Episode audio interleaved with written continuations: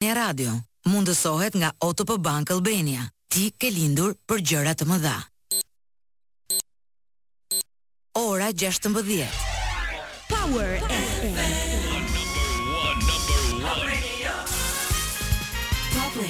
Flash në Top Albania Radio, informacionet kryesore të ditës.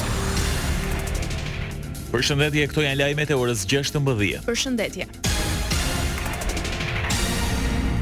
Spak i ka caktuar masën ish-ministrit të Shëndetësisë Ilir Beqaj, detyrim paraqitje dhe ndalim për të dalë jashtë vendit në lidhje me dosjen e koncesionit të sterilizimit. Ndaj ish-ministrit rëndojnë akuzat shkelje e barazisë në tendera kryer në bashkëpunim dhe korrupsion pasiv. Spak ka urdhëruar që Beqaj të paraqitet një herë në javë çdo të premte. Prej shtatëmbëdhjetë gushtit të arrestuar me masë sigurie në burg janë ish zëvendës ministri Klodian Rrjepaj dhe biznesmeni Ilir Rrapaj, ndërsa gjashtë të tjerë janë në hetim. Beqaj ka mbrojtur koncensionin e sterilizimit duke e theksuar Si të nevojshme pajisjet mjekësore në QSUT. Një lokali në Kamëz iu vu tritol në orët e para të mëngjesit. Ngjarja ndodhi në rrugën Donald Trump rreth orës katër e njëzet e pesë dhe nuk raportohet për të lënduar. Dyshohet se lënda plasëse ishte vendosur në ambientet e jashtme të lokalit, i cili ishte marrë me qira nga Oltjon Muçaj. Nuk ka të plagosur. Sipas Top Channel, autorët janë afruar me një makinë tip Audi ku kanë vendosur rreth njëqind gram tritol, i cili është aktivizuar me fitil. Kjo është hera e katërt që në këtë rrugë ka sulme me armë apo eksplozivë ndaj bizneseve. Një bandë që merrej me kultivimin dhe shitjen e lëndës kanabis me në krye dy vëllezër shqiptarë është dënuar me shtatëdhjetë vite burg në total nga drejtësia britanike. Bëhet fjalë për një bandë prej dhjetë personash ku gjashtë prej tyre janë shqiptarë. Banda udhëhiqej nga vëllezërit Edmond dhe Eduard Haziri. Një aksident tragjik ka ndodhur në Fier mëngjesin e sotëm. Një automjet ka dalë nga rruga duke humbur kontrollin. Për pasojë shtetasi me iniciale E.N., njëzet e gjashtë vjeç ka humbur jetën. Sali Berisha ka paralajmëruar se do të ketë protesta të opozitës ndaj qeverisë. Në një bashkëbisedim me qytetarët në Facebook, Berisha tha se do të ketë lëvizje të fuqishme popullore që s'ka diktaturë që i ndalon. Berisha përmendi edhe shtëpinë e kryeministrit, ku theksoi se duhet të nisë hetim për sarajet e ndërtuara në Surrel.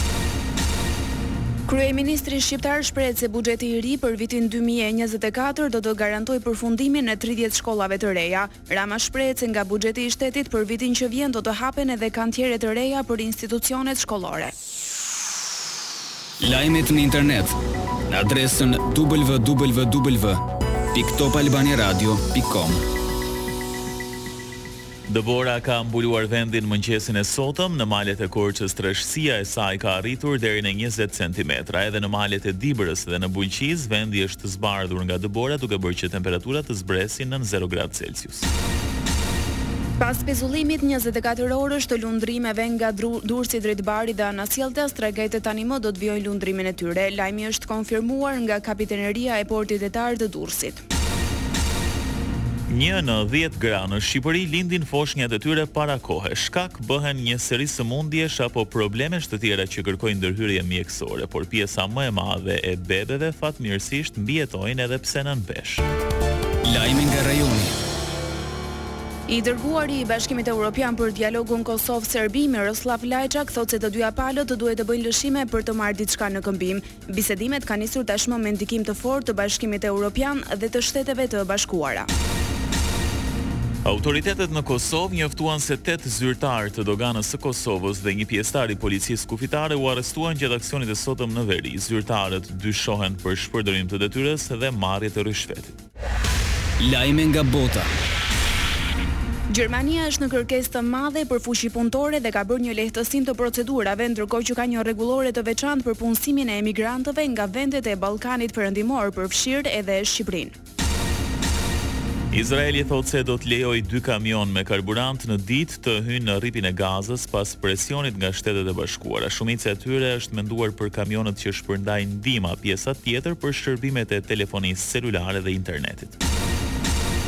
Jordania kritikoi ashpër luftën e Izraelit ndaj Hamasit. Kryediplomati jordanes e përshkroi luftën si agresion flagrant ndaj civilëve palestinezë që kërcënojnë të përfshijnë Lindjen e Mesme. Art dhe kulturë.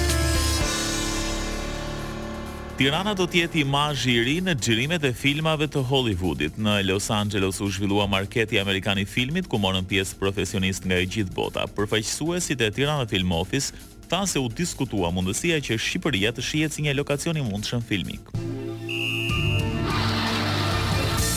Sport. Kualifikimi i Shqipërisë në Euro dy mijë e njëzet e katër ka bërë jehonë në mediat ndërkombëtare. Uashington Post vë në dukje suksesin e brazilianit Silvinjo. Reuters ka shkruar se pas humbjes një me zero në Poloni, shqiptarët mbeten të pamposhtur.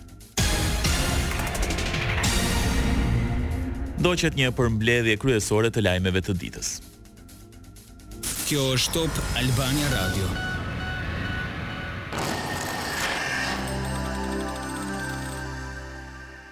Kampionët janë gjithmonë